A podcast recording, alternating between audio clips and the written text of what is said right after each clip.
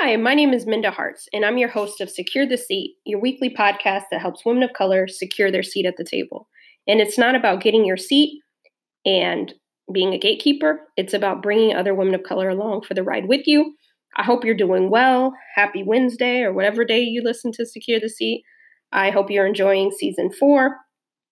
I'm really excited about launching a couple different themes this season, uh, one of which is. Uh, a finance theme where I have a few guests that will talk about the road to wealth creation because I do believe part of securing our seat is uh, may not be just the nine to five. Like, I don't believe you're necessarily um, going to get rich off of just your nine to five. You got to have other things going for you, those diverse streams of income. And so I want you to be aware of what they are, or even when you're negotiating your salary, knowing that you can bring up some of these other options. And so we're going to talk wealth creation. We're going to talk cri- cryptocurrency. We're going to talk blockchain. Really excited about uh, future guests that are coming. So, like I said, I'm going to try some different themes this season because I think um, when we're securing our seat, the more we have in our toolkit, the more knowledge we have, the more education around certain subjects, the better we are. I am officially off my first leg of the book tour. Thank you to each and every one of you that came out to any of the cities. I know uh, my last city was in Kansas City, and one woman and her niece they drove three hours to book tour. So I hope it was worth it. I hope you enjoyed. Thank you for coming. I just I'm just so full of joy. I mean, the fact that when I went when we went out to shop this book around, we were told there was no audience for it and it's and it's a bestseller and it's still not even people still are just learning about it and it's because of you it's because of every person you're telling about the book or that you've told about the book or that you've shared on social media um, you've gifted it to somebody like i couldn't have done it without all of you i mean my testimony is um, i didn't hit new york times bestseller but the community, the conversation. I did hit some of the other lists. Um, that that was the priceless thing. I would I am not famous. I don't have a trillion followers. The fact that um, my book is sitting next to Lean In and some of these other books in like on Amazon bestsellers and some of the indie lists. I mean, I'm just so thankful to each and every one of you. Like, I know you guys are probably tired of me saying it, but success is not a solo sport. I've been on the road pretty much since August 20th. I'm super duper tired, but every city, every engagement, it's your faces, it's your smiles, it's everything. It's the love that keeps me fueled. And so, um, maybe the memo is not your story. Maybe you didn't relate to it, but you know somebody who could, you know somebody who needs this support. Um, it's not about me per se, it was about getting that story out there, about telling the stories there is not a book out there like this by a major publisher until the memo, What Women of Color Need to Know to Secure a Seat at the Table, came out. And I hope that the publishers will see wow, these women are really rallying behind this book, and we need to put more stories out there. I mean, this is bigger than me. This is about us. This is about the future. We talk about securing our seat, and I always say this this is about making sure we bring others along with us. And I'm starting to go speak at more universities and colleges. And the one thing that they that many of the young women ask me is like, should I change my name? Should I wear my hair like this? Like, we got to use our voices, ladies and gentlemen, so that these young women can come in their full glory and all they have to worry about is working their job and going ahead. Like, they shouldn't have to worry if they if they have to pull back on their blackness or pull back on their whatever identity they choose to show up as. I mean, it's so important that we keep using our voice, we create keep creating space so that the workplace is better for them because there were women that came before us that made it better for us. We might have some skin knees, but thank God they used their voice because we could show up at the table. There were so many black and brown women, women of color that worked really hard and they never got that seat at the table, but they should have. And now many of us have the opportunity to be there what are we going to do with that seed? Okay, I'm off my horse. Um, if you um, are not signed up for the virtual book club, you need to go to mindaharts.com if or I politely ask you to please go there, sign up because not only is that you'll get updates on the cities that I'm coming to next. This week, I'm in uh, a few events in Austin, so I hope to see you there. The Texas Women's Conference. What I'm most excited about speaking there, I'm not on the same stage as her, but uh, hearing Tracee Ellis Ross, really big fan of her, and can't wait to hear her speak. And I have some other conferences and companies. I'm hitting the next wave of, I guess you could say, my tour, and not so much the book aspect of it, but the um, I'm going to a lot of companies and universities and colleges next. My hope, I put it out there on Twitter, is that in 2020 I get to do an HBCU tour because I feel like we need to have these conversations. We got to equip these the next generation of young men and women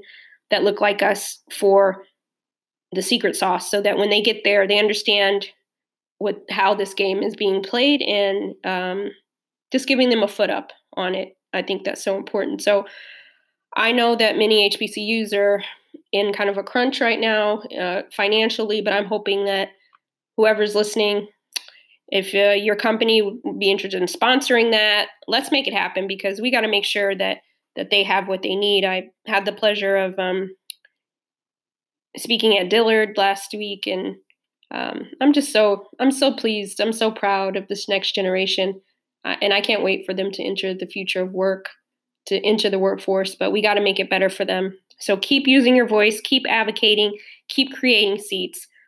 Like Diddy said, can't stop, won't stop. okay. Um, but today's episode is actually about the road to activism.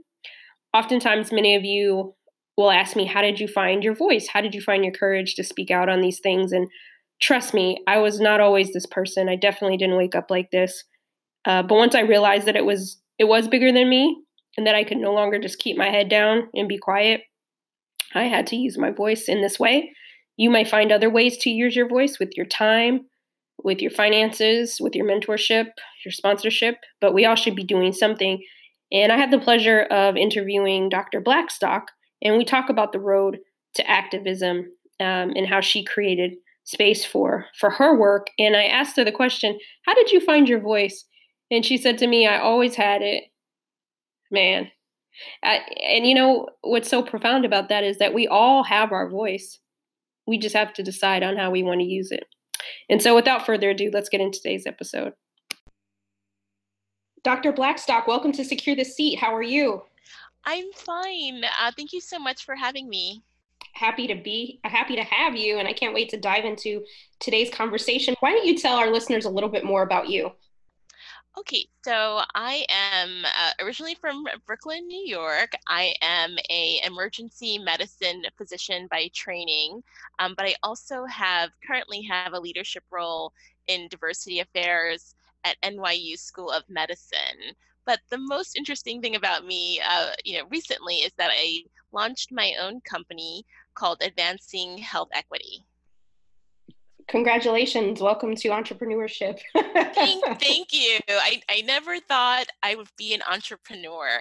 Um, it's something that, you know, when physicians talk about being an entrepreneur, um, it's usually about, you know, having your own private practice, but not really about having your own company dealing with sort of non clinical matters. That's awesome. That's a whole nother podcast in and of itself, right? yes.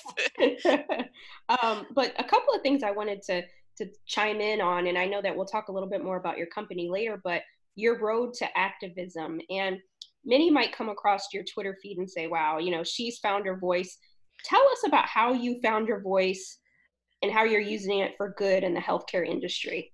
Sure. So you know what's interesting? So I I always had a voice, right? But I didn't always have um, a platform. And what was been interesting for me is that over the last two years, I've been in this role uh, in diversity affairs, you know, at an academic medical institution, and I've had the opportunity to, you know, have certain experiences that have really sort of opened my eyes. And sort of what I realized is that a lot of the issues that I care about within diversity, equity, and inclusion are issues that are not just um, important to deal with within my institution, but really um, externally um, as well. And I wanted to make a larger impact. So you know, I'd been on Twitter for a while and um, I got promoted last March to associate professor. At that time, I only had about 80 followers, but I was so excited that I I tweeted out, I just got promoted to associate professor, hashtag what an associate professor looks like.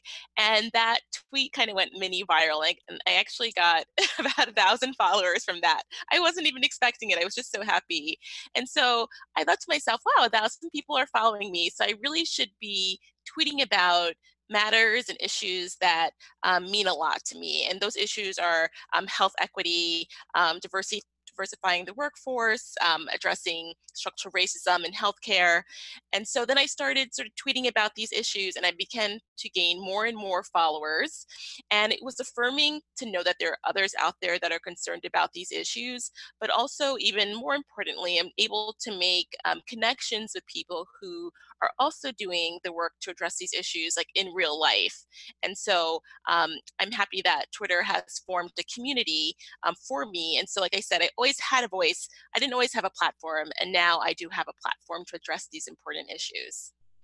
That's awesome. I'm glad you make that point too, because you had your voice and the voice then connected and married to the platform, right? And I think yes. that is so inspiring for for other women because sometimes we do have some things to say and we're not sure like what's the medium that we can use. And so i think it's really great to see how just um, you launching into that space. Now were, were you a tweeter beforehand no or? i was not even a tweeter. Like so you know you know what's interesting? And i guess you know i'm actually going to disclose something on this podcast that not everyone knows that i'm actually going to be resigning from my position at NYU in December. I've already submitted my resignation so I could focus on my company.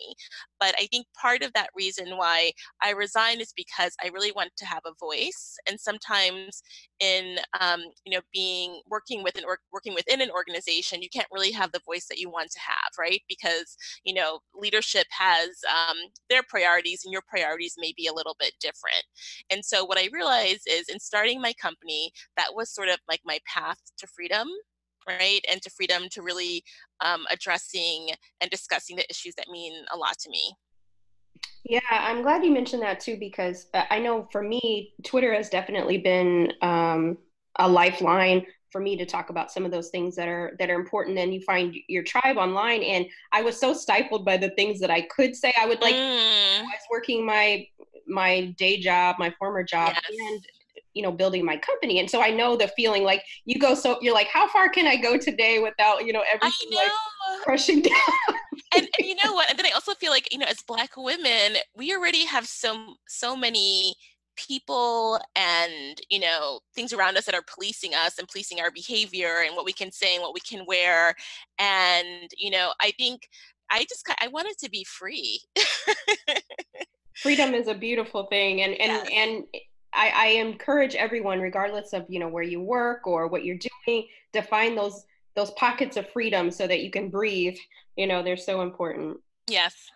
And then the other thing I wanted to touch on is so we're talking about using our voice, and I often think of legacy building as using our voice because if I, if we're transferring knowledge from some of the things that we say, it might help someone else, you know, spur some of their activism as well. And um, helping create change for future and current generations. Uh, you and your sister uh, are part of a legacy at Harvard Medical School. Can you talk to us a little bit about that and why legacy building is so important to our community specifically?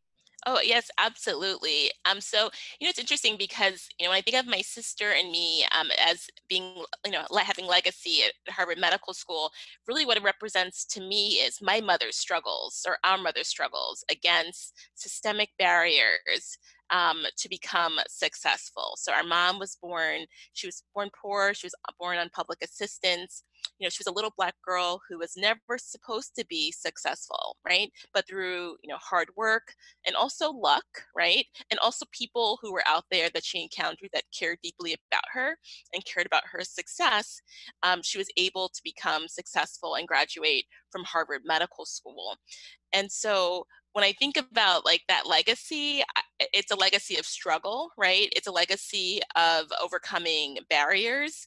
Um, and then also our mom, one of our mom's priorities was always giving back to her community, right? And so when I look at my mother's legacy um, in, in full, um, it represents like being grounded, knowing where you come from, knowing who you have to look out for and who you have to take care of, and then also knowing that you have a voice and you can give voice to issues that are important to you. So, like my mom, you know, issues that are of concerns to the Black community, especially those who are disenfranchised, um, were very, very important to her and are important to me as well. And that's what she's passed on to both my sister and me. So, the work that we do really is a tribute to her struggle.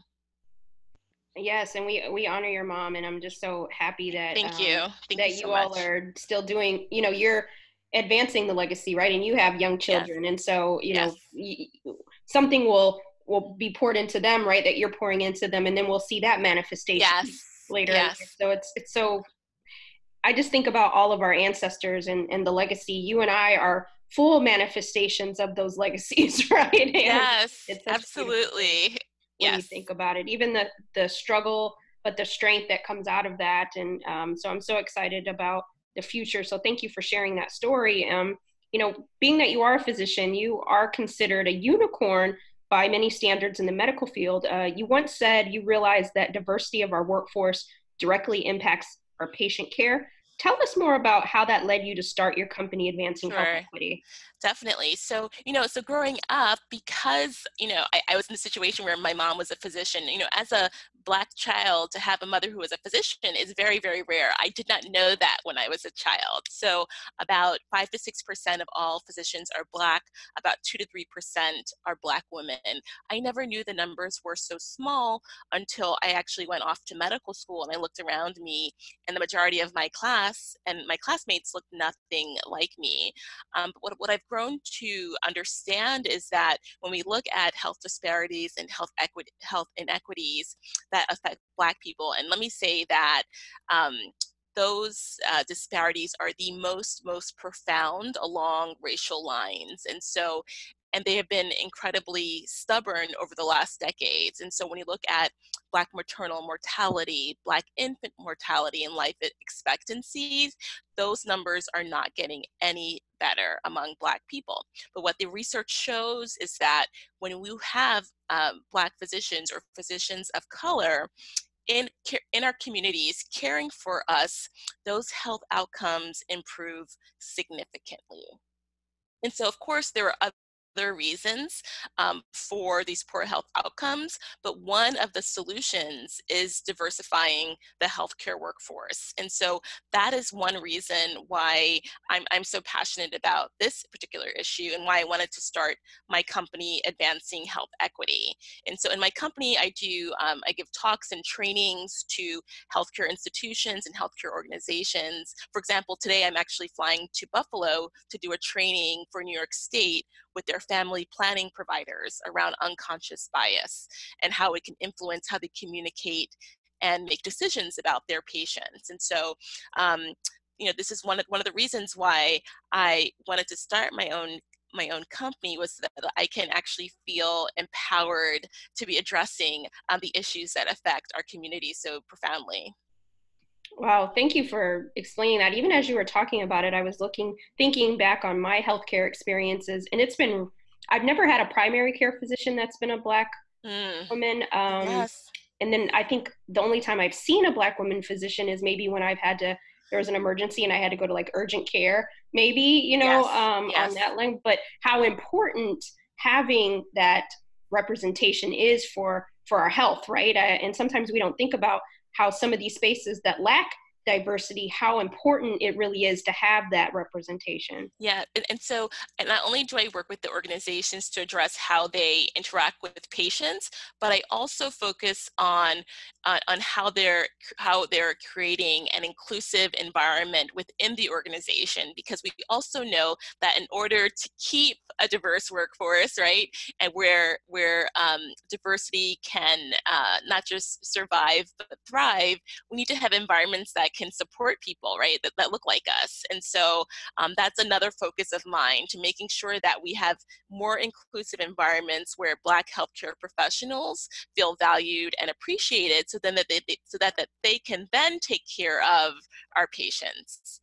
um, the best yes. way possible. Absolutely, yes. preach, preach, preach. I, yes. and congratulations on starting that and and being able to to move into um, your purpose uh, this year. So kudos to you because I know Thank you. you know that's a, a huge leap and it's so important and the work that you're doing is so important. So again, just um, wishing you nothing but the best. Um, Thank you. You mentioned unconscious bias, and I know we hear that word often, but for those who may not understand what that is, or maybe that's a new term for some of our listeners, could you explain what unconscious bias is and some tips for women of color on how and black women on how to address it at work because it is hard because sometimes it can be subtle Right, right. So, so unconscious bias. So, so it actually is. It's a normal psychological process, right? Um, but the problem is, is that you know we live in a society with racism, with sexism that influences um, the way that our mind works um, in very detrimental ways. So I always tell people, like when you think about unconscious bias, if I say Romeo, you think Juliet, right? Or if I say peanut butter, you think jelly. These are like millisecond um, millisecond assumptions and decisions that you're making right? And and then in the workplace you're making them about people right? And so that's when we can run we run into problems. And so when i talk about unconscious bias i actually um, frame it as a sort of interpersonal discrimination. So we have you know we have structural discrimination around like practices and policies but interpersonal discrimination occurs you know between two people. And the way that that can affect us is that it can influence who gets hired, how we get evaluated at work, which leaders are selected at work, who is promoted at work. And so, um, obviously, it's something, especially as women of color, we should know about because it can impede our progress um, in the workplace. So, some things that you know I educate people about and organizations about is to have more structured processes or protocols in place. Like, for example, during an interview, it's really important to have like a structured set of questions as opposed to those off the cuff interviews. So, for example, you say, Oh, hey, I went to high school there. Oh, so did you. And so you end up making these connections with people and you create like a halo bias where you think this person is a quote unquote good fit. And we know what a good fit means sometimes, right? Mm-hmm. It means like mm-hmm. a person that you know whoever you know the interviewer feels um, feels something in common with and we know that can influence who gets hired in the end. And so again like you know structured interviewing processes structured evaluation processes those kind of um, practices can help mitigate bias that are sort of embedded um, embedded in sort of the way that we do things at work. That's interesting. Uh, no i'm glad that you you spit it out like that because you do think about when you say just peanut butter, you automatically think jelly, right? Romeo, yes, you yes. already think. yeah, it's just something so simple, but yet so impactful that can totally yes. change yes. the game for yes. someone. So I'm glad that you um, explained it in that way. Uh, that was really helpful. Um, how can people work with you, support you, contact you? Oh, so they can go to my website, um, www.advancinghealthequity.com, and I have a contact form through my website, or they can, I'm on Twitter um, at dr underscore uh, UCHE underscore BEE, um, Dr. Uche B. Um, and I have loved the community, the community that um, social media has created for me. I've, I've, met a lot of wonderful people, and I look forward to creating more uh, relationships um, with those folks as well.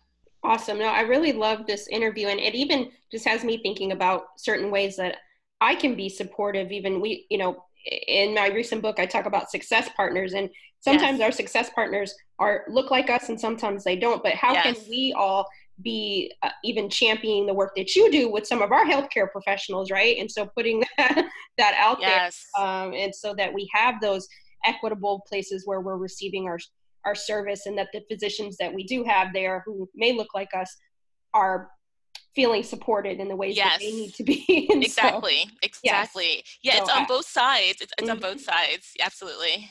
Cool. And I'll make sure that all of your information so people can connect with you are in the show notes. But before okay. we leave, I have to ask you my my bonus questions and yes. as a lover of grits and rap lyrics, I have to know, Dr. Yes. and, and I, I, I, was so curious about asking you this question, what your favorite rap lyric is. Yes. You grew up in Brooklyn, so I'm yes. really curious if it's going to be someone from Brooklyn.